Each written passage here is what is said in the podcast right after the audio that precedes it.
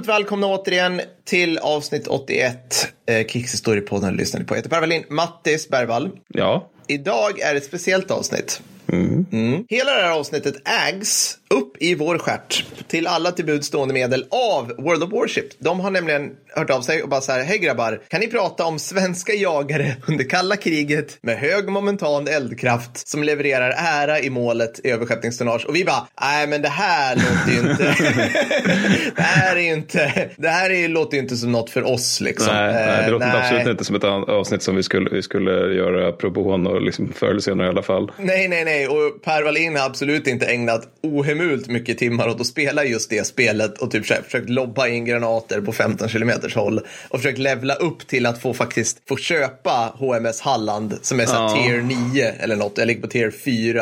Eh, så att Det här har vi ju skojat om några gånger Ja. här när, när poddar håller på och bråkar om att jag, jag använder alltid Blocket och jag tar alltid mina privatlån från länder och sådär med Precis, 80 procents ränta. Men skillnaden är väl möjligtvis att du har ju faktiskt spelat World of Warship. Jag jag, jag tänker vara helt transparent, jag har aldrig gjort det. Men, men, men du har gjort det och vad jag har förstått uppskattat det. Ja, det är väldigt, det är beroendeframkallande roligt på något vis. Som är, jag vet inte varför det är skoj så. Det är lite, alltså det är, de har inte ens bett oss om att prata om det här. säga, utan, utan de, de, nej, men det är roligt för att det är liksom, det är en slags, eh, det här, ni hör ju att jag skulle kunna ha en gamingpodd direkt. Bara, eh. Men det, det är kul, om jag, jag jämför med liksom deras andra spel, så World of Tanks, eh, som är liksom, det är så, vet, man blir så här stridsvagn, man bara, men det här är samverkande vapenslag. Vi kan inte bara vara stridsvagn. Alltså, det Det, det är så otroligt långt ifrån det jag känner till som historiskt, så att det blir inte så kul på något vis. Det blir så arkadigt. Mm, och jag har noterat också att det är många på nätet som drar ganska höga växlar på hur vagnarna presterar i World of Tanks. Ah, ja. Och liksom därmed verkligheten borde ha. Ja, men precis så. så Medan liksom World of Warships eh, är ju såklart väldigt arkadigt. Men det är ändå så här, okej, du måste ha jagare. Ja. Som åker fruktansvärt, som kan komma närma fienden så de kan skjuta torpeder.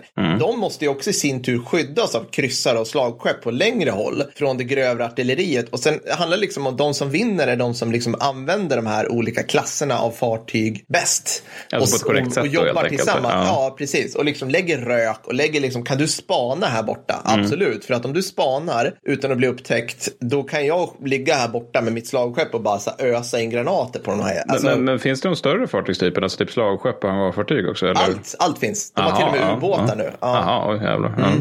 Så att allt finns. Det låter komplext. Grejen är att jag, jag är ju en sån här person som när jag kör saker på internet då är jag ju alltid den här jobbiga jäveln som liksom bara stänger av micken. För att senaste gången jag hade på det här med röstfunktionen Mm. Ja. då hörde jag bara så här 14-åringar från Arkansas som bara språkade Thanks Obama varje gång de sköt. Eh, Alternativt liksom bara skrek ren nazism om och om igen. Så att jag brukar bara stänga av men det gör ju att jag är en väldigt dålig lagspelare. Ja. Så jag brukar bara lägga mig någonstans och låta just de här återigen 14-åringarna Ja. då, som sitter och spelar mot mig bara springa fram för min kulspruta. Ja, men Det- det- perfekt. Kör ja. bara. Kör. Ja. Det- De, de är 14-åringar. De har inget de har ingen konsekvenstänkande eller tålamod. Nej, nej, och det är, jag är däremot 36 så att jag har tålamod. Jag har inte deras reaktionsförmåga men jag kan ligga ner i en digital ruinhög med liksom en, en KSB 90 med eh, IR-sikte och ljuddämpare. Obs, detta var min pappaledighet, Battlefield 4. Det låter underbart. Mart, Ja. ja. alltså, du är ju faktiskt du är ju så här uh, colonel i typ B4 eller något Nej, sånt men alltså, där. det var lite sjukt. Det var någon gång, jag, jag, det var ju det här med att jag, det har jag berättat tidigare, jag hade ju honom i bärsjal när jag var liten. Och då var det att jag, Hippie, kommunist. Ja, jag, vet- jag visste att du skulle säga det. Eh, men, men det var ganska praktiskt. Men, men det var ju att efter några månader av det och efter att jag hade rasat flera kilon av att gå runt med honom mitt i natten då, Ja. då lyckades jag till slut sätta mig ner. Och sen så kunde jag till slut liksom också spela medan han låg och sov på mig. Och då Mm. var det här liksom att jag, jag spelade och spelade natt efter natt efter natt. För det- jag hade så jävla tråkigt, jag hade ingenting att göra. Jag, gick, liksom, jag skulle ha honom på bröstet fem timmar så att min fru skulle få sova lite grann. Fucking hell. Ja. Och sen helt plötsligt så, tittar så, är det pling uppe i högra hörnet på, på min PS4 eller på skärmen från PS4. Då. Och då står det så här Congratulations, you reached tier one in support class. Bara, jag måste nog sluta spela det här nu. Men det var ju då återigen utifrån taktiken ligga med IR-sikte och ljuddämpare och spela väldigt mycket. Jag är inte det längre kan jag säga. Nej, okej. Ja, men det är. Ja, precis. Nej, men så jag spelar Warships Ja. för att återknyta. Och det, jag tycker det är kul. Ja. Det de vill att du ska göra, det är att gå in och registrera dig helt enkelt och lira. Och nu som jag sa så är ju liksom, varför har de vänt sig till oss? Jo, för att de har de svenska jagarklasserna där. Jag Mm. vet inte om de har Östergötlandsklassen, men de har alltså Hallandsklassen. De, alltså, Mm. De ballar. alltså våra jagare på steroider. Ja. Alltså det som är liksom, det som är mwah, under svenska kalla kriget-flottan. Det som blir stor svenska i det här avsnittet. Precis, som vi kommer till. Kan vi bara få höra klacken? Ah, alltså bara för att det är, det är så vackert. Så, för att summera är World of Warships ett helt episkt spel som jag och många med mig är våldsamt våldsamt beroende av. Gå in på https, ja ni vet det här, slash slash wo Wilhelm Oskar, nej man säger inte Wilhelm Oskar. Wilhelm, jag borde ha bokstaveringsalfabetet framför mig. wo.ws slash 3 som är siffran 3, stort Q, litet D, en tvåa, P, ett stort E och ett litet U. Och den här länken kommer givetvis också finnas i liksom avsnittsbeskrivning och sådana här saker. Jag tycker bara det skulle vara kul att lägga in det här också. Så gå in där nu.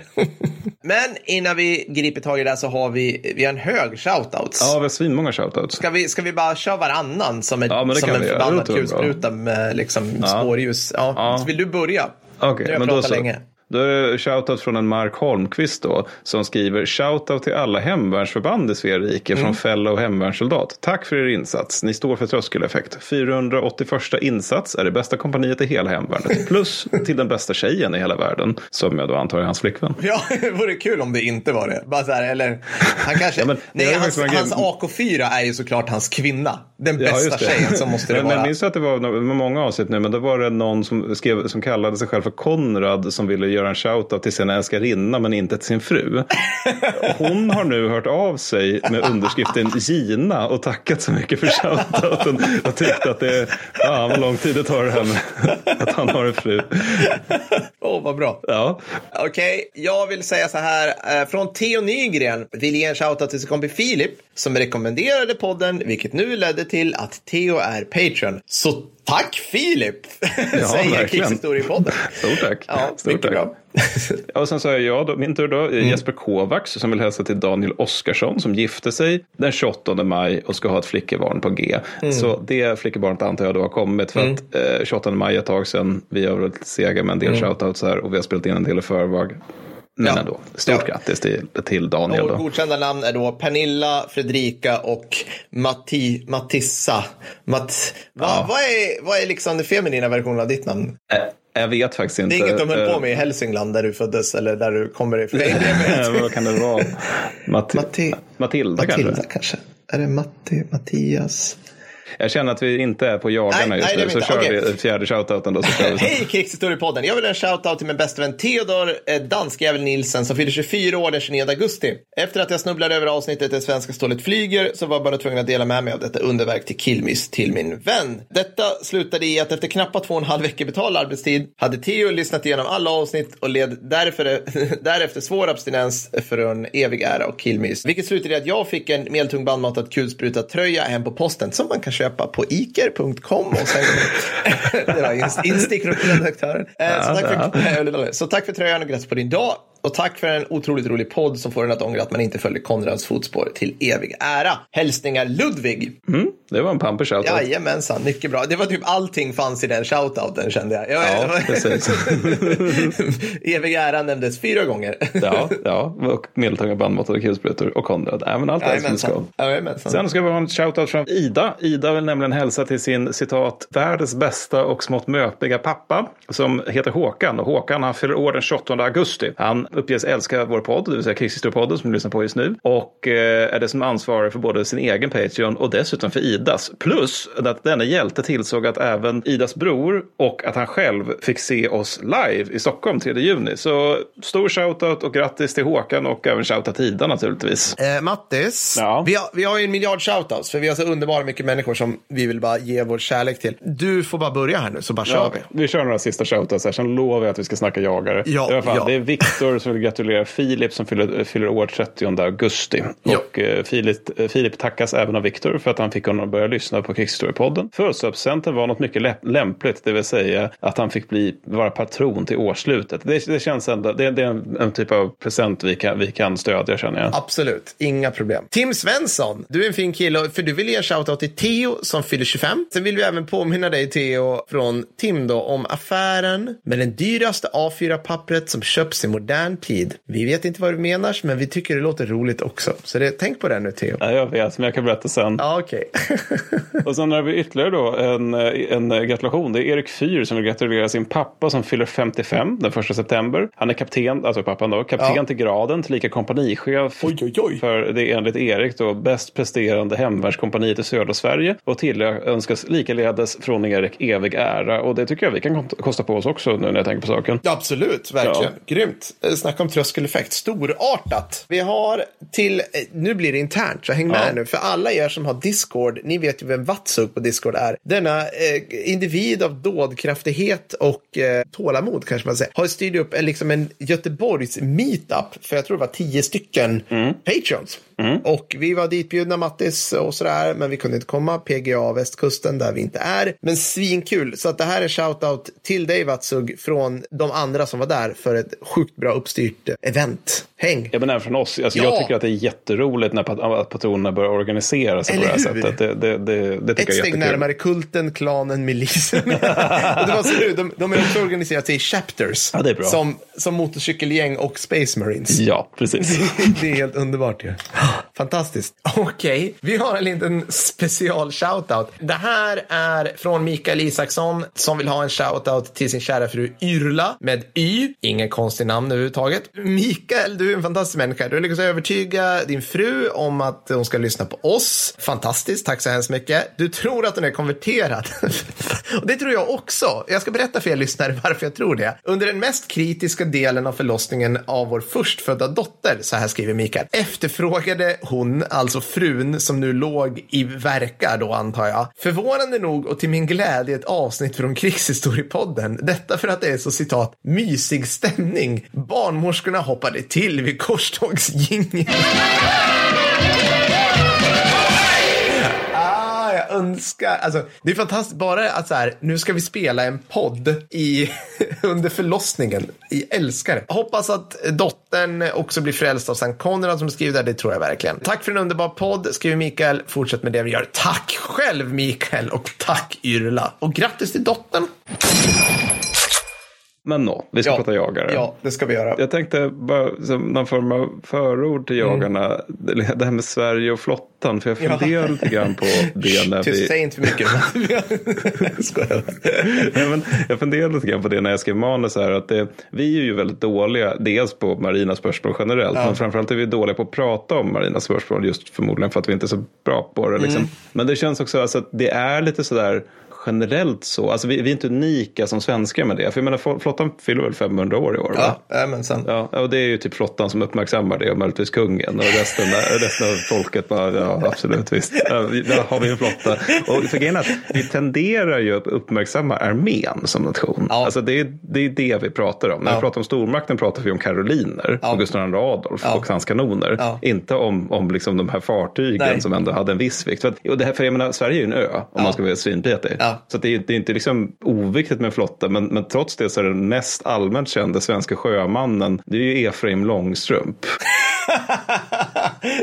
ja, och honom har du sett live på Astrid Lindgrens Värld. Ja, jag kom fram till att jag, för, jag föredrog Pip, äh, Emil framför Pippi. Ja, Men, men, men, Emil men, ja, är ju, det är ju social realism. Alltså det är ju någon form av utvandrarna-feeling över hela det. Ja, Liksom. det är det. Men också att det, det är karaktärer där. Medan Pippi är karikatyrer. Ja. Det, det är viktig skillnad. Fredrik vrider sig att vi fortfarande inte har pratat.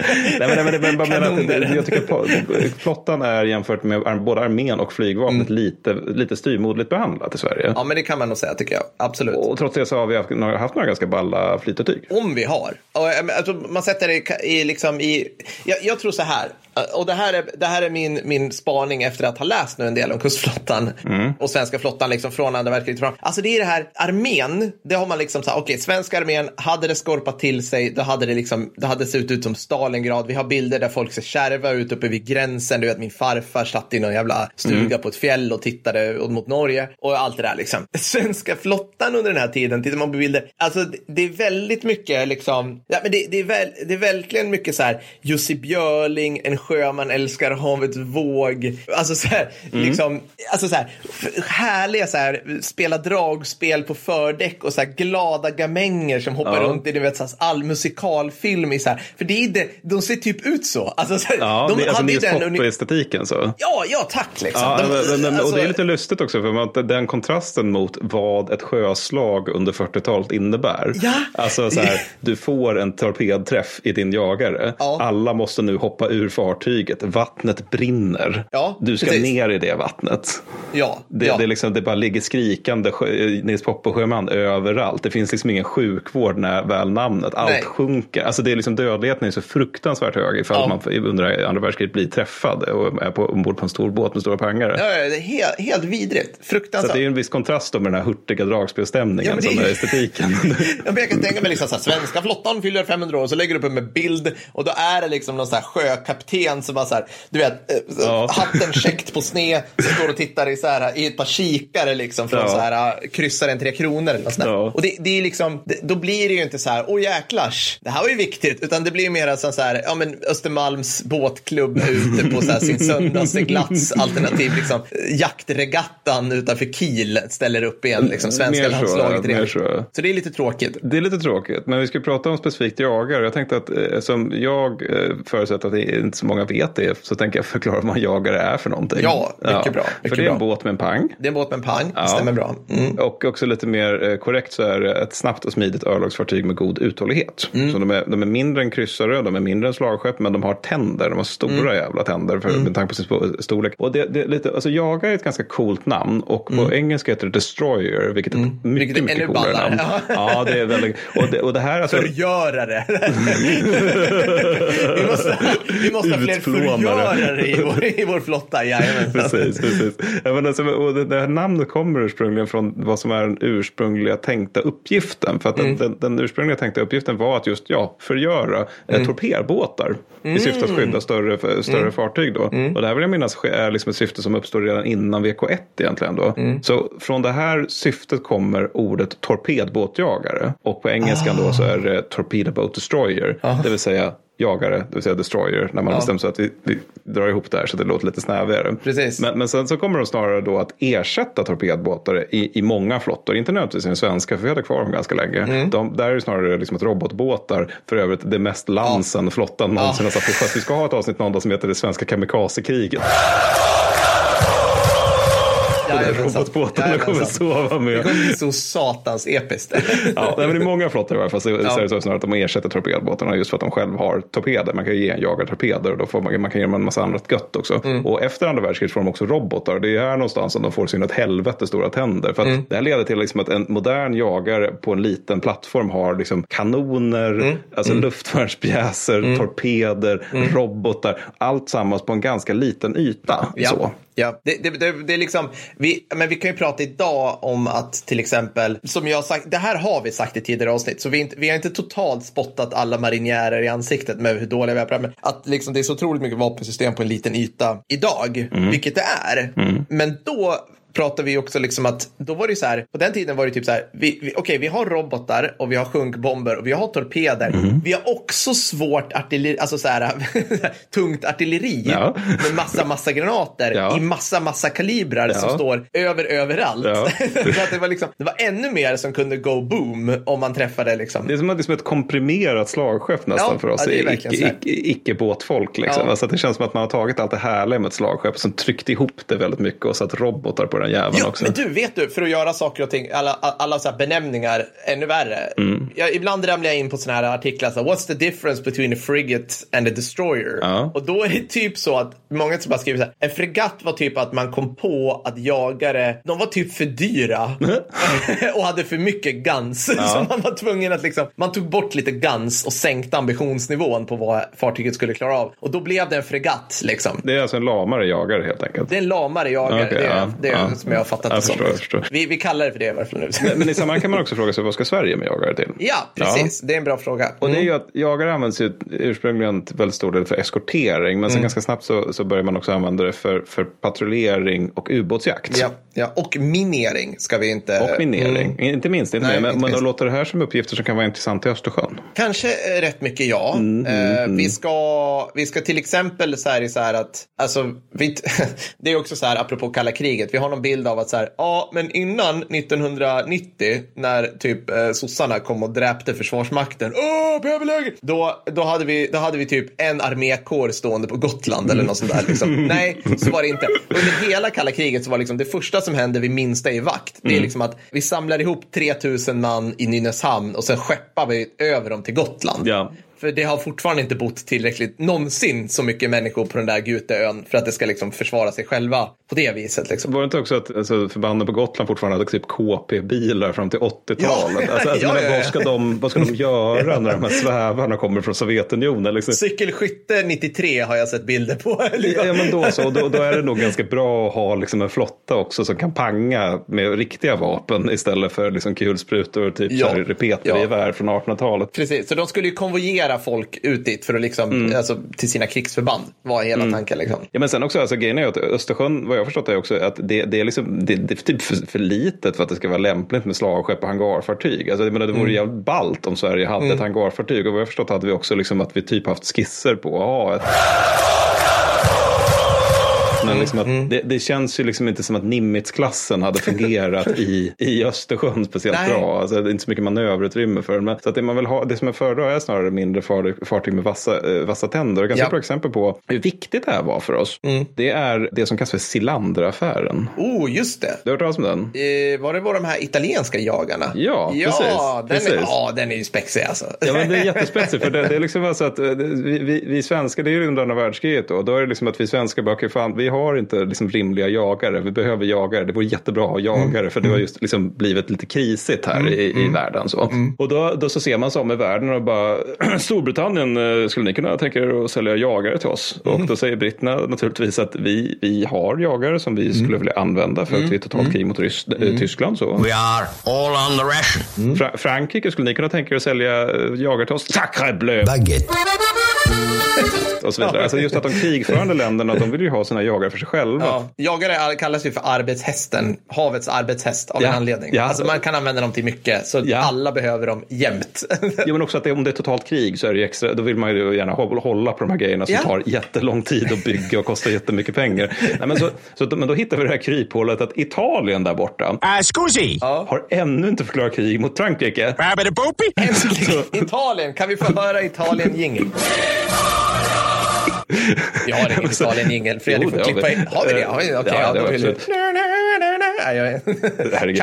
Så att, men, vi- så kan köpa dem då eftersom de ännu inte gått i krig mot Frankrike och italienarna bara ja absolut. Ja, ja. Så att då köper vi fyra stycken jagare då från Italien och sen när de ska tuffa hem då till Sverige då dy- dyker britterna upp som gubben i lådan och bara nu ska vi se här Danmark har fallit, Norge har fallit. Eh, det kan ju vara så att Sverige står i begrepp att falla. Och då får ju Hitler fyra jagare gratis.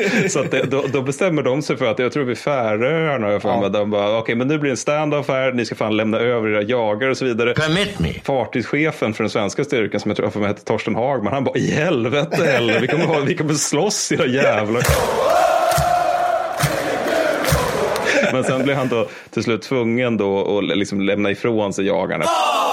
Ja. efter lite om och men och sådär till slut. Och, men, men, men, men det säger ändå någonting om hur viktigt det var med en jagarstyrka. Och angående det förut så tyckte Churchill Where are we now? att Hagman agerade helt rätt, rätt och riktigt. Well, I, Så han var i så här sanslöst underlägsen situation liksom, Ja, där, där, ja. där britterna hade alla guns i världen och han inte hade det. Men, men det säger någonting, någonting om hur viktigt det ändå var för oss att vi liksom bara, okay, men vi får liksom segla runt hela jävla Europa Mm. för att få hem de här i grund och botten. Och då ska vi ändå säga att svenska flottan var den stridskraft som var i bäst läge när kriget började. Ja, alltså mest rustad, mest liksom bäst. Och det, det har vi jättesvårt att tänka oss idag när den har behandlats styvmoderligt sedan typ 82. Mm. Ja, ja. Egentligen. Ja, Ja. Eller typ, förs- det, det kan vi komma till. Försvarsbeslut 58 tyckte de var en dräpa. De hade ingen aning vad som komma skall.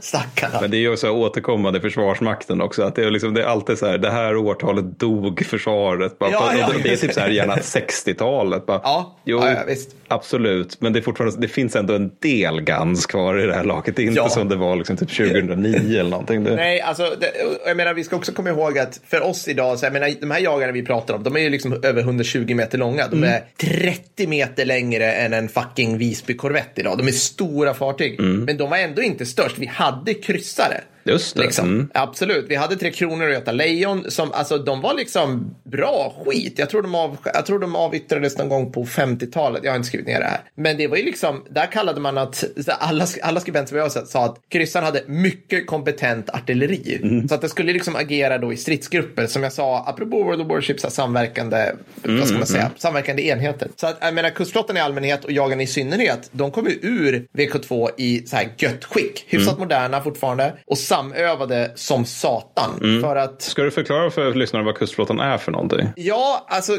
kustflottan är en, det var alltså en fredsorganisation som skulle utbilda, alltså så här var det. Till att börja med, när den, när den liksom efter, om vi pratar efterkrigstiden, så skulle den då existera som förbandsproducerande enhet och samtidigt liksom leda, det här är lite oklart, leda delar av flottan fram tills det blev storkrig. Okej, liksom. mm. Och när jag blev storkrig, då skulle då flottan ledas av så här militärområdesbefälhavare och typ så här flottans taktiska chef.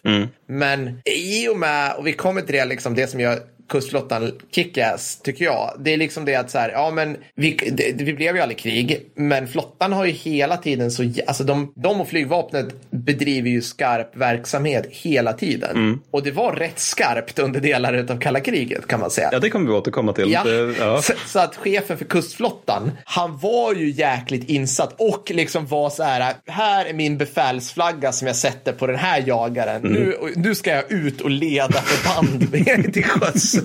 Det är så jävla, det var liksom lång, äh, rätt långt innan Muskö liksom. Alltså, så, så att det var, det var en vacker, en vacker tid. Har jag rätt? Kan du fylla på med Nej, men jag tycker det låter väl som en korrekt beskrivning.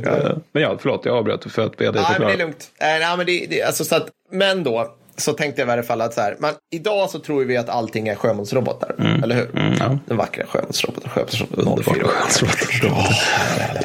Men då så visste man inte det här efter andra världskriget, så man tänkte så här, såklart vi ska ha jagare. Vi ska, ha, bra, vi ska ha bra jagare. Så att, precis, alltså, då skulle jag vilja presentera för lyssnarna och auditoriet och svenska folket för Hallandsklassen.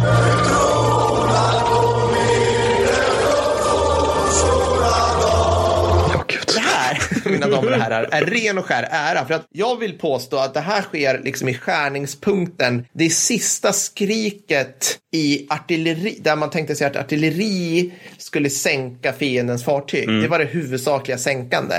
Och det kommer också i den här underbara skärningspunkten där liksom svensk ingenjörskonst under kalla kriget är så här. Mwah! Alltså vi har liksom, vi har, vi har stridsvagn S, vi har B-kan, allting liksom skruvades ihop, pillades på utav så här vad som borde vara ett gäng gråa men geniförklarade. Alltså det, det vi pratar ju, vi pratar säkert om att det är här 20 stycken ingenjörer sammanlagt. Man skulle kunna samla de här på en fest om de levde fortfarande och bara, ni skapade i princip alla kick-ass vapensystem säga- på olika sätt under, under kalla kriget. Märkligt liksom. världsledande vapensystem på olika sätt också. Så man bara, varför, och det var varför är ni så på sitt bra på det kontor här? som själv bara så här, Det var så här, efter midsommarfesten så drog han sig undan och satt på sin kammare och skrev lite, skissade lite grann. Och Ja. fram kom eh, tunnan till Ja, men exempel. ex, det, är ju, det är ju så. Det är helt sjukt. Så att alla de här, man skulle kunna liksom trycka upp dem så att, så att det, det här är för det här är vackert. Vi har alltså Hallandsklassen, det är alltså två dyra jagare. Jämfört med Östergötlandsklassen. Mm. Man insåg, men dyrt betyder bra för att speciellt när det gäller sjöstrid eh, så är ju krig en materialsport.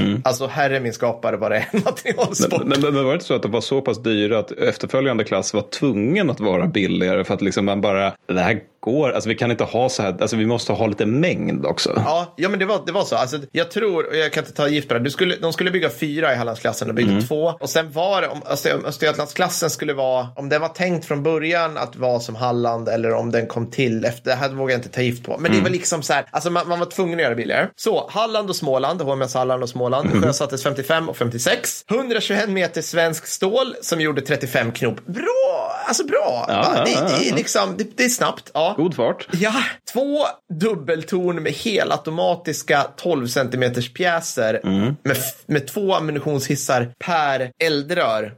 Mer om de här nedan för att det blir mer ära. Jag, kan. Ja. jag ska försöka liksom sammanfatta. det. Två stycken 57 mm luftvärnsakan, sex stycken 40 mm Åtta stycken 53 centimeters torpeder, vilket var tung utsimningstorped. Mm. Och nu skulle jag vilja liksom lägga in ett till litet miniavsnitt i det här avsnittet där vi pratar om torpeder. Ja. Dels, alltså så här, herregud vilket krigsvinnande vapen, men dels också så här, de åker långt. Ja, men det, vi har ju pratat om longlands någon Ja. gång som japanerna hade under andra världskriget. Det var ju typ det som gav dem någon form av möjlighet till havs mot jänkarna. Ja, precis. de, de, här, de har världens bästa torpeder. Ja. Jänkarna har ej fungerande. Och det räcker med att en ordentlig kyss med en långlans och sen så är det liksom ett jävla fartyg som är borta. Ja, men det är liksom helt sjukt. Jag, jag, jag, hittade bild, jag hittade bilder från New Georgia 43 där, Ja. jag minns inte vilket fartyg, men jag tror, jag tror det faktiskt är just en jag, amerikansk jagare som blev träffad av, om det är USS Selfridge kanske, ja. det minns inte riktigt, men den blev träffad av en långlans. Ja. Och den har liksom klyvts i två bitar. ja, ja. Det är liksom e, e, ena biten är kvar uppe på vattnet och andra är liksom nere på, ja, inte, inte med oss längre helt enkelt. Så torpeder, man, kan, man får till en rätt bra smäll med dem. Ja, det, utefter. ja, men precis. Och det var ju också en av de här stora sänkande vapnen. Då, då skruvade ju, ob, obs, det här är ju det bäst, det här är mest, alltså, det här är det mest svensk byråkratiska kalla kriget jag har hört med. Centrala torpedverkstan.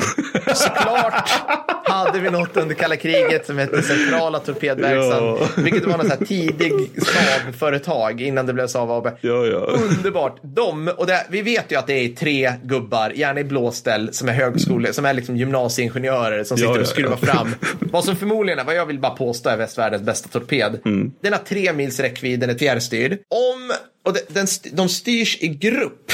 Och det här är jävligt smart. Om det då är så att den första torpeden träffar, alltså gruppchefen, gruppchefstorpeden träffar, då går ledningen över till torped nummer två i gruppen. Mm. Så att du kan fortsätta styra gruppen även, alltså det, är, det här fick man till på 50-talet. Jag fattar liksom inte, jag tror inte ens det här går att göra idag. Ja, Alltså jag det, det, låter, det låter vanskligt om inte annat att göra idag. Det Ja. låter, eh, ja. Nej, så att det, det är så satan, jag är inte klar här. Nej, nej. Sen har vi två stycken 37,5 centimeter ubåtsjaktsraketsutkastare.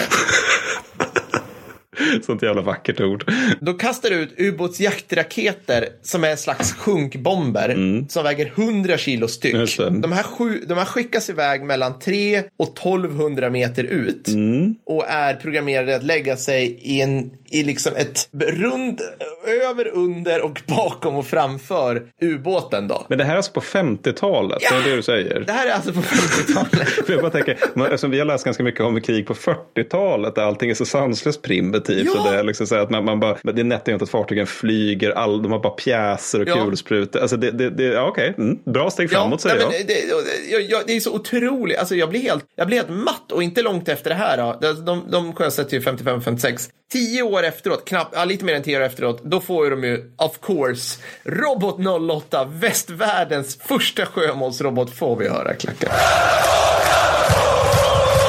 så hemskt mycket. Som är, okej okay, den är inte så imponerande idag, men jag menar herregud vilken jävla mindfuck den var på den tiden. Ja, jag menar också att det, är en sjömåls, alltså det är en sjömålsrobot som kommer ut på 60-talet. Ja. Det, är klart, det, det, är klart den är imponerande då, det är ju ja. fuck off då. Ja, precis. Det ser ut som en V1 om ja. ni funderar, alltså en tysk, tysk V1. Jag vet inte ens vad jag, jag kan bara lämna det sådär. Jag, jag Så kan bara berätta om Robot 08 annars, jag har lite om den. Prata gärna om Robot 08. Nej, men det, är, alltså, det är en vidareutveckling. Alltså, Det är, det är en ganska lustig grej som jag tror, tror inte, kanske alla känner till. Det är Mm. att fransmännen var sanslöst, får jag höra marseljäsen.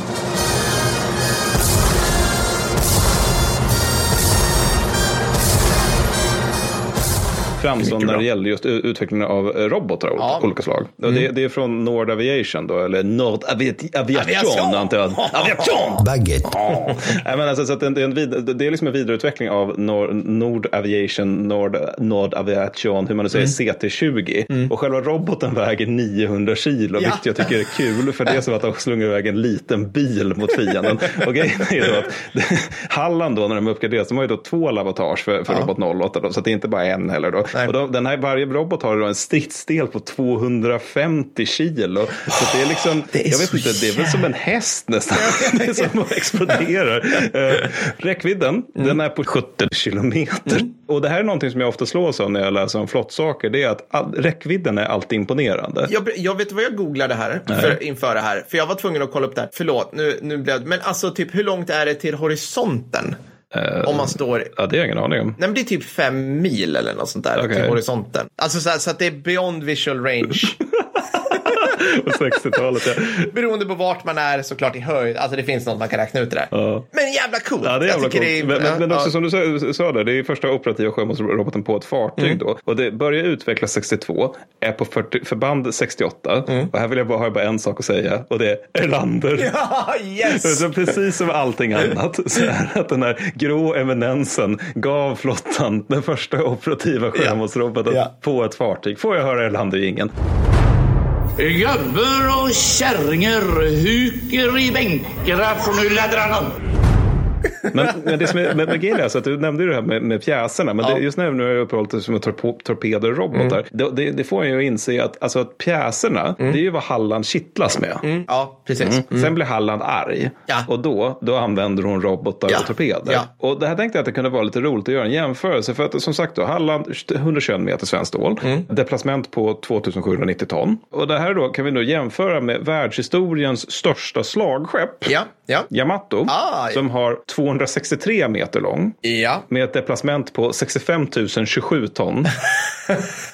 ja, det är väldigt vi- många ton. Vi gör någon form av grafik på det här, alternativt bara två listor. Ja. Ja, och sen då har vi då Yamatos bestyckning som består uteslutande av kanoner och kulsprutor. Ja, ja. Så du har en väldigt, väldigt stor båt Ja. med väldigt många pangar. Ja. Men du har inga jävla robotar och inga torpeder. Nix. Ingen radar heller ska jag bara Nej, lägga ingen till. radar Nej, heller. nej. Det är ju lite jobbigt för japanerna där. Men, men det innebär att Halland sänker ju Yamato.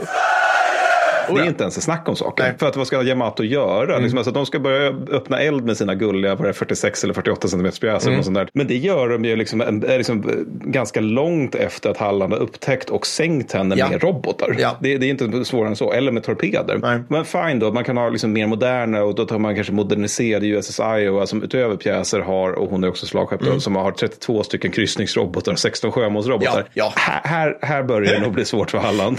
Det blir ganska mycket pang. Men det är samtidigt så att det går att tänka sig att Iowa kostar nog ganska mycket mer Ja. än Halland. Och, är dess, och Halland är dessutom två knop snabbare. Men po min poäng är liksom lite grann att, äh, återigen att man får in, in så i helvete mycket pang på en rätt liten yta när man pratar om jagar. Inte minst just Halland. Nej, precis. Och, alltså, jag tycker mycket av det där handlar också om att hur, man tänk, hur, hur Halland var tänkt att användas. För rob- alltså, de, du hade ju, de var ju på ett förband i tio år innan första sjömålsroboten kom. Och då, då var det ju artilleri och torpeder som var grejen. Och då tog man ju fram lite olika sätt som man skulle göra det här. Och Ja. nu, Mattis och Ja. kära lyssnare, ska jag berätta Ja. för er om metod ära.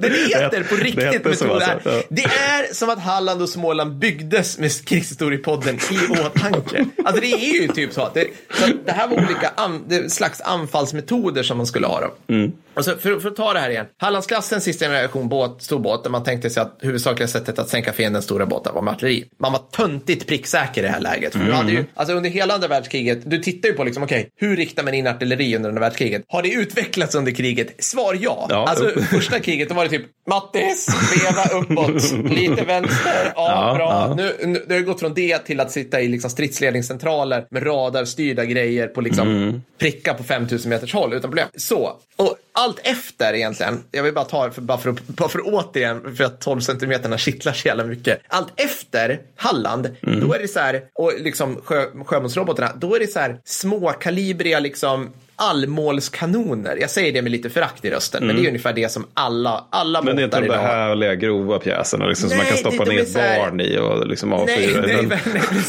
Det är liksom allmålskanonerna, de är så här under 10, 10 centimeter. De är tänkta att fungera som närskydd och typ så här sänka jihadister och somaliska pirater i ekor. Alltså det är Mm, liksom, ja, Det är inte ädel sjökamp liksom. det är inte ädel sjökamp liksom. I varje fall, så metod ära, bara för att förklara. Det är det bästa som har hänt att det finns en som Det- heter Det är så jävla vackert det här. Alltså, det, metod ära. Hallandsklassen, jag försöker förklara, nu, nu låter det en bra podd här när jag ska försöka förklara hur en båt ser ut. Ja. Men vi lägger upp bilder och sånt där säkert. Fredrik skakar på huvudet, vi lägger aldrig upp bilder. Han Ja, men det gör vi visst, är det var det att vi var dåliga på under sommaren. Ja, okej, okej, vi ska bli bättre. Ja. Har ett torn i fören och ett i akten av de här dubbelmatade döds 12 centimeters krigsvinnare kanonerna. Vid anfall rakt mot fienden så öser man på och tömmer två hela magasin till. Herregud. Obs, Ja. Det har Mm. fyra det. magasin. Mm. Ja. Det är över 50 stycken granater på en minut. Ja. Som leds in av radar, eller tornet riktas in av radar. Okej, 50 stycken granater. 50 stycken, ja. Det är väldigt mycket på en minut. Så det, det är alltså lite, lite mindre än en per sekund. Ja, Det, det är väldigt många granater när de är på 12 centimeters kaliber. bang, bang, bang, bang. Alltså Ja. är, och de här kan alltså, la- typ, jag tror den har förmåga att typ, jag ska inte svära på det, men att det kan landa simultant. Men liksom bara den, att du är, du är sovjetisk liksom skeppare Mm. på antingen en kryssare eller överskeppningstonnage. Och så ser du liksom, så du får radarkontakt eller något så här, de är på väg mot oss. Och sen på långt jävla håll så bara börjar Alltså, Ja, men också alltså, det här är väl så här bek, alltså per, per pjäs är väl det här nästan bekan-hastighet. Alltså, Ja, ja, det, det är ju ja. så fruktansvärt hög eldhastighet. Det är extremt hög. Det är som, alltså, ja, jag, jag kommer till det. Okej, därefter girar man. Mm. Och då måste liksom, då tar det upp till en minut max innan pjäserna stabiliseras igen. För de måste gå på kurs. Men därefter öppnar man eld med båda tornen. Men vad bra. Jajamensan, för nu är aktere tornet igång. Man hivar iväg åtta stycken tunga fjärrstyrda torpeder mot de här. ja. Mm. Man girar igen Men vadå, finns det några ryssar kvar efter det här? Ja, Alltså, men vi, vi kommer till det. här. Man girar igen nu med ett tomt förligt torn och då tömmer det bakre tornet mot fienden. Så alltså det är liksom konstant, det, jag, vet, jag kan inte, alltså det, det är bara sån jävla punchfest här Ja, liksom. ja, ja. Och när den bakre slut så girar man igen under remsraketer, rök med mera och fyller samtidigt upp magasinen igen. Det går på typ fem minuter, vilket är snabbt Mm. kan jag säga. För ett nytt anfall. Så totalt hivar den här jagaren iväg, alltså Halland eller Småland, 208 stycken 12 centimeters granater på under 10 minuter. Vodka. Jag säger bara spatsiba. Jesus. Plus alla torpeder i världen då. Ja, ja, precis. Ja, att- Och det är alltså ett fartyg som gör detta? Ja, ja, ja visst. Ja. Och det, den anfaller ju inte själv, Nej, utan nej. den anfaller ju något som heter stridsgruppering 31, Mm. vilket var då Halland i mitten. Och sen hade den de två lite, ta, lite så här sämre jagarna på sidorna, det vill säga ta, ta Östergötland och Uppland till exempel. Mm. De anfaller ish på linje och på yttersta flankerna, där har du sex stycken 3 plus 3 spika torpedbåtar som kommer i så här alla knop i hela världen. Eh, och som vi sa då, det här är innan sjöbåtsrobotarna, så torpederna är det som sänker. Okej? Mm. Östergötland och Uppland, de har inga helautomatiska kanoner, men de gör så gott de kan. Men då har vi alltså, nu ska vi se här, man kan ösa iväg 56 trådstyrda torpeder, tunga trådstyrda torpeder i ett anfall. Ja, om det, om det, det här är mitt ljud av njutning. Om det, Ja. men, men, men vadå? Alltså, behövs det än? Alltså, jag menar, det, det är liksom... du kan typ gå på torpederna Ja, men det, från... det kan väl inte finnas några ryska fartyg kvar Nej. efter? Alltså, det borde räcka med typ 20 torpeder? Eller liksom, det, det är så fruktansvärd mängd torpeder. Ja, men det, allt ska bara sänkas. Ja, alltså, ja. du, det, ska Ja. Liksom, det ska bara täcka havet framför dig. I tråd. Alltså, det, är så jä, det är så jäkla combat det här. Alltså, det går liksom Men, men ens då, antar jag då att vi har två sådana grupper som vi båda har Halland och Småland. Korrekt. Ja, så då, då tänker man tänka sig att båda grupperna kan anfalla. Ja. Så då, om man lägger de här, de båda stridsgrupperingarna då, med Halland och Småland i centrum av sin båda, då antar jag då, då kommer vi upp i över 100 torpeder.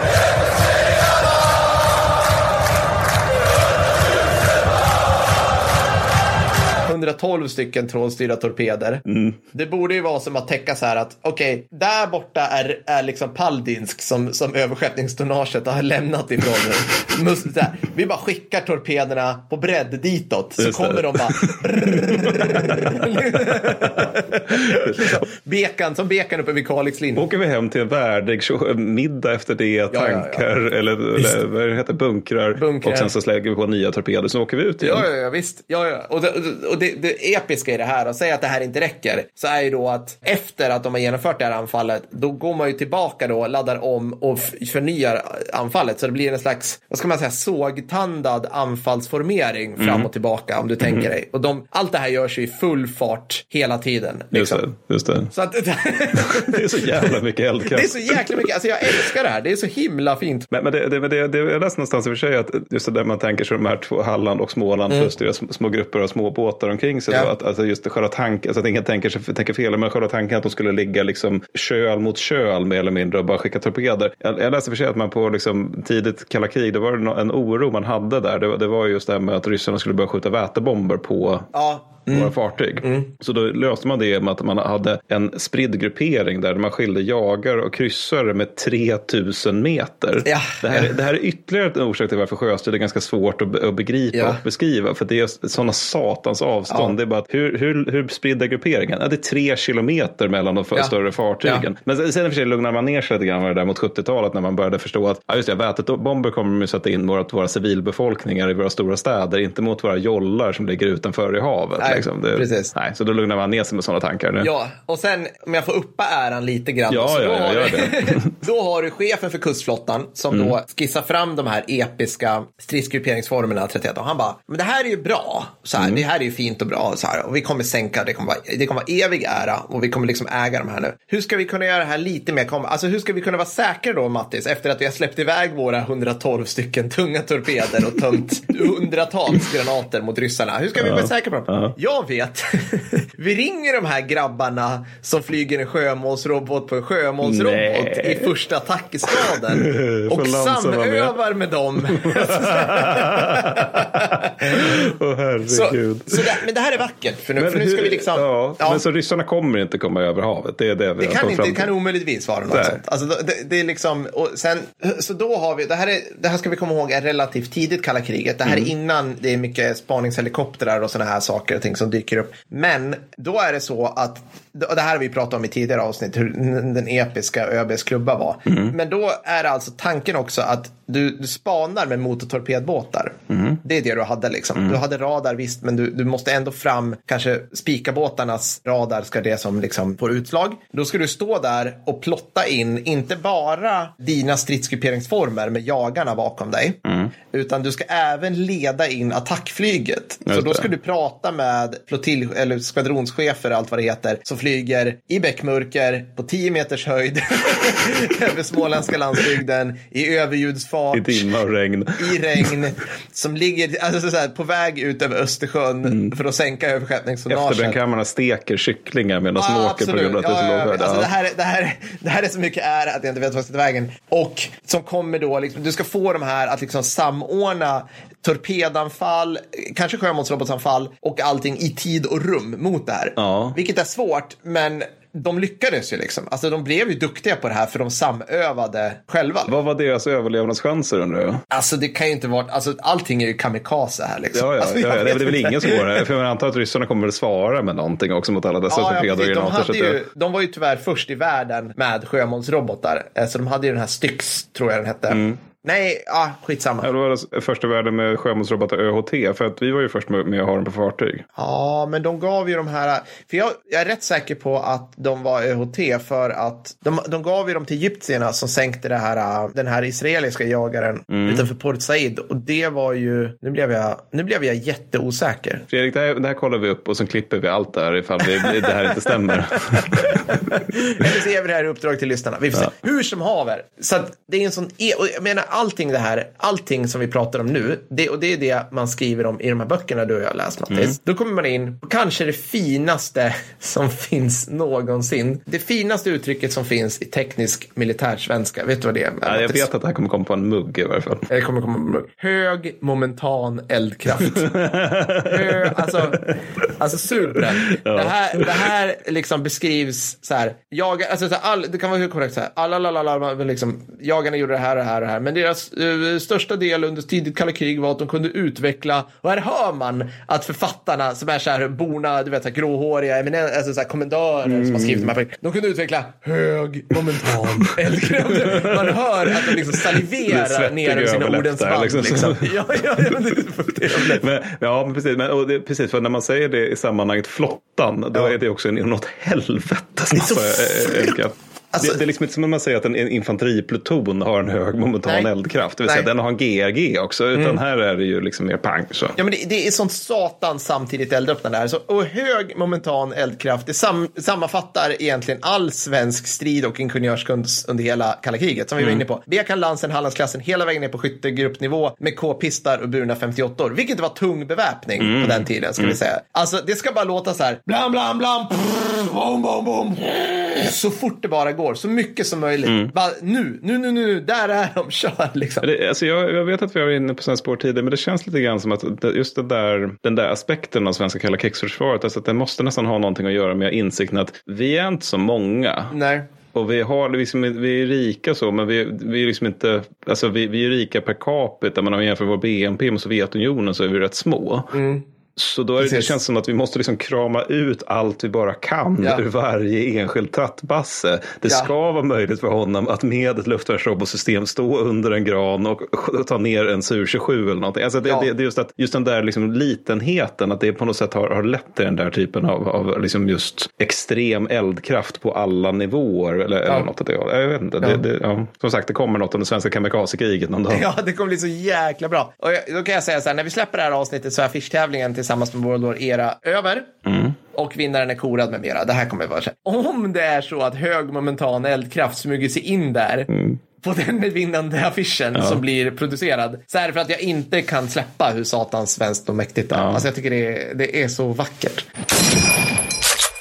Men ska vi avsluta med lite ubåtsjakt eller? Ja, ja, absolut. Ubåtsjakteminering, alltså jag, jag vet att det, det, är inte det, det är inte det sexigaste, men helsikes vad viktigt det är. Eh, Ja, det, vad var det, du fick ju frågan någon gång, vad är det viktigaste fartyget? Och du svarade minsveparen. Eller vad då? Mm. Ja, liknande. jag- Nej, men, mitt men, så här, tråkiga alltså, det, vi- jag nämnde ju det tidigare med Cilanderaffären, att det, det, det kommer för övrigt då från att detta fartygen hette HMS Cilander. Mm. Och då, då, men att det var viktigt för oss med jagare under andra världskriget. Och det är också att det är, liksom, det är så pass viktigt att alltså, redan till 43 så har vi 21 jävla jagare i flottan. Ja.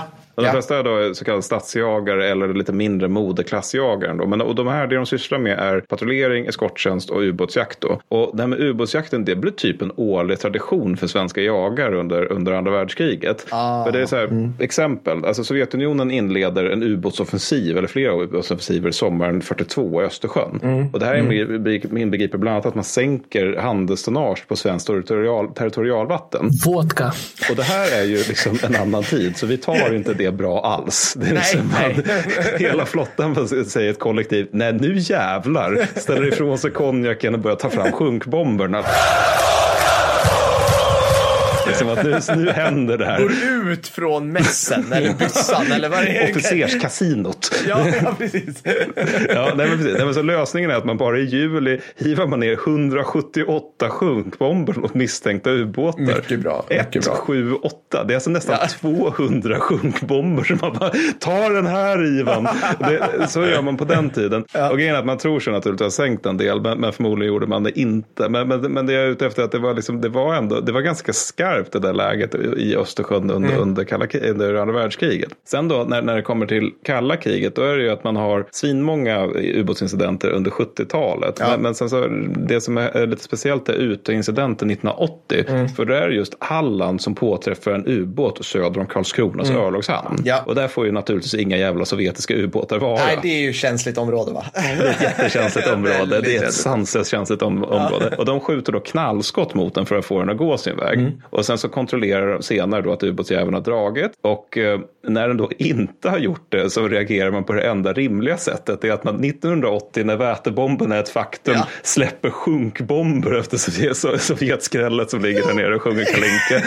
För det gör man. Ja. Och det här är alltså första gången som man använt alltså, skarpa vapen, eller snarare, så här, snarare första gången som marinen använt skarpa vapen sedan 1966. Då. Och det här, det här är för övrigt helt i enlighet med regelverket. Ja. För att regelverket har liksom tydliga anvisningar vad, vad beträffar kränkande ubåtar från 1967 Mm. och framåt. Och det är citat, en kränkande ubåt skall avvisas om erforderligt med vapenmakt. Slut citat. klart. Och jag tycker det här är ganska roligt. För det innebär ju att vi var i någon form av lågintensivt krig Ja, med ja, ja. Sovjetunionen så fort de hade ubåtar i vattnet. Ja, ja. Eller hur ska man annars kalla det ifall vi börjar liksom släppa skarpa grejer på dem? Då? Nej, men alltså, jag tror, jag tror att, att anledningen till att till exempel marinen, alltså så här, marinen övade ju precis under samma krav och med samma inställning som vi har pratat om att svenska flygvapnet Ja, under kalla krig. Det vill säga, vi övar som att det är krig hela tiden så Ja. mycket vi kan Ja. för att det är krig i praktiken för oss jämt. Liksom. Eventuella dödsfall skissas, eh, liksom be- beskrivs som stupade i kalla kriget. Precis, precis. Så, att, så att det är ju, ja, det är svinviktigt. Och här är väl,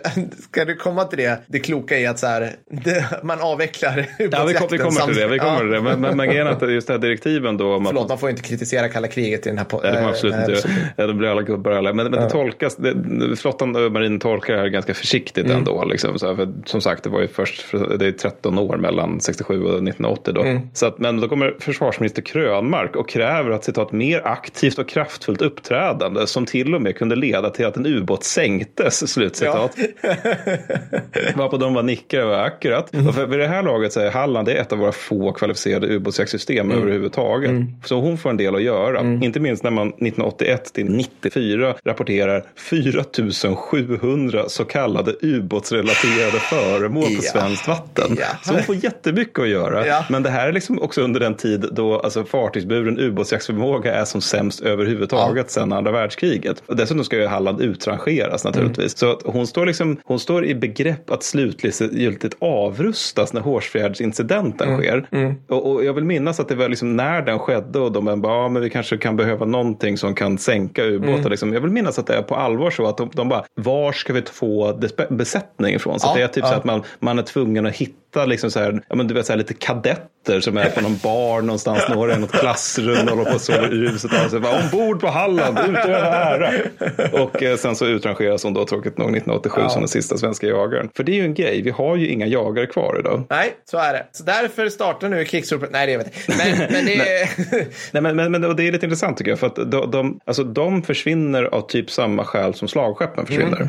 Och, och det är liksom lite lustigt för att med tanke på att jagare efter andra världskriget ofta föredras fram, liksom framför slagskepp och kryssare. Av orsaken att de är mindre än slagskepp men man kan fortfarande få ut jättemycket eldkraft på dem. Alltså jagarna ersätts i svenska flottan, in, inte i alla flottor, men Nej. i svenska flottan av samma skäl som jagare ersätter slagskepp. Ja. Det vill säga att Ja. kustkorvetter och robotbåtar är mindre men har på grund av robotar bättre räckvidd och verkan i målen. Ja. Och sen så är det ju det här för en bill, mycket, mycket billigare penning också. Ja. Och det här är ju naturligtvis mycket politiskt trevligt så, alltså att du kan få ut en ganska ordentlig mängd pang för mycket mindre pengar då. Men sen nackdelen vad jag förstått med, med den så kallade lätta flottan det är att den saknar samma ubåtsjaktsförmåga som, som det, vi hade liksom när vi hade alla jagare i världen som kunde liksom åka ut på Östersjön och skända. Ja, och liksom lite otippat nog så är det också, det, den är betydligt sämre om man till exempel ska erbjuda internationell hjälp på olika sätt och vis. Alltså så här, det, som du sa, liksom, större fartyg har större uthållighet, de klarar, vad säger man, svårare sjö eller hårdare sjö eller vad det heter, bättre. De har ju fler, alltså de, de har ju möjligheten att ta en smäll på ett Ja. helt annat sätt än en liksom 90 meters plastbåt som Visbykorvetten är. Så det finns ju, det liksom, man sku, det, jag tycker det finns ett starkt case att säga, liksom, nämna att liksom, det finns en poäng. Plus att också att med större besättning så kan du avdela folk. För det här är någonting man har märkt på småbåtar idag när man övar det som kallas för skyddstjänst. Skyddstjänst, det är ungefär som att öva, vad ska man kalla det? Det, det, det är typ som att öva markstrid för armén. Det är det som flottan gör. I princip nio fall av tio. Det är liksom öva skyddstjänst. Det är så här, någonting har hänt, vad ska vi göra ombord på båten? Så här, Sjukvård, släcka, ja, allt det där. Och det är så otroligt mycket bättre på större båtar, för då kan du liksom bara, ja, vi tar de här fem, 15, så plockar de från era krigsbefattningar. Så, annars är på mindre båtar, alla har typ så här fyra tillika uppgifter. Just det, just det. Alltså det, alla har asmycket att göra hela tiden. Det finns ingen redundans i systemet. Det finns liksom. ingen som helst liksom. Det är inte det här nej, liksom att precis. det, det, det är, som det antar att det är på ett slagskepp, att det står liksom en motsvarande pluton vid biljardrummet liksom. Och gör inte så mycket i väntan Redo, på det här är vår krigsplacering. Så, vad, är ni, vad ska ni göra i händelse av båten? Nej, vi ska se till liksom att alla har det bra. Nej, men liksom, precis. Ja. ja, men det var väl, har du något mer? För att annars tänker jag att jag har en, vad jag har lärt mig sen sist. Oj, shit. Ja, alltså, det, det jag har kvar nu det är att säga så här, gå in på, eller googla på World of Warships helt enkelt. Det är alltså en free to play, Pay to win. pay to win. det kan man också göra. Grej som jag tycker är mycket roligt. Och de var ju så snälla att de, de bara äger det här avsnittet. Det här är deras avsnitt, helt enkelt. ja, det är det avsnitt. Vad har du lärt dig sist, Mattis? Say what? Vad du har lärt dig sen sist?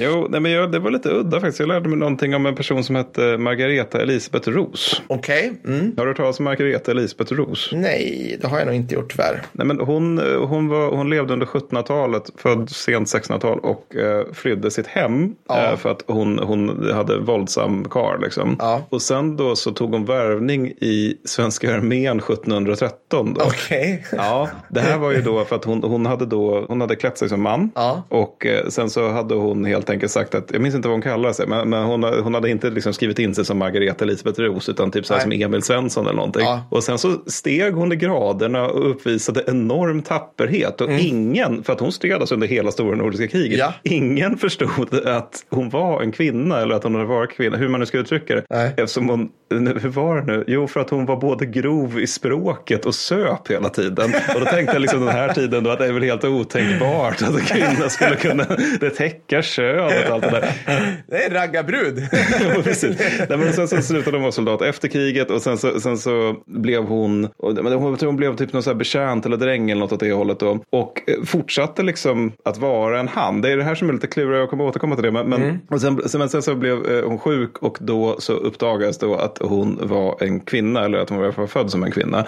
Men, men då var det här liksom någonting som man tyckte var väldigt pinsamt i den familj som anställde henne. Så det här tystades ner Ja. och istället så, så, så gifte man bort henne och hon fick två barn och dog av hög ålder. Ja. Och eh, det, det här är också, det var rätt vanligt, alltså det här var liksom vanligare än man tror. Just, just ros är lite dåligt källbelagt för det kommer från en släkthistoria. Mm. Medan i andra fall, som den här typen av fall, att det är kvinnor som tjänstgör som soldater och liknande. Där finns det rättsprotokoll. Eftersom Mm. Ja. det på 1600-talet är dödsstraff på Ja. den grejen. Stora delar av 1600-talet. Eftersom det anses vara typ så här brott mot naturen eller man uttrycker på det, något åt det hållet. Men, men, men det är ändå, det var ganska vanligt. Jag, jag blev ganska intresserad av det. För, för att jag tycker nästan vi borde göra avsnitt över det. För det var ganska vanligt och det är också idag så lite oklart om de här kvinnorna då, om de bestämde sig för att vara män, om de var det för att de var transsexuella eller om de var lesbiska. Men det här är ju naturligtvis inte begrepp som finns på den här tiden. Nej. Eller om det är för att, de, de, alltså för att det inte är något roligt att vara kvinna i stormakt-Sverige. Nej, man känner för att göra något annat kanske en stund. Ja, men det, alltså, du får många, många fler friheter som, som man än du får som kvinna. Till exempel, du får supa och röka utan att någon ser ner på dig. Vilket i sig är intressant. Så det är liksom lite oklart vad de var. Men samtidigt finns det också det här liksom att samtiden tyckte också att det var jättemärkligt det här. Liksom att det, var, det var någon dom, som, det var inte mot Ros men det är någonstans på 1700-talet där jag säger att ja,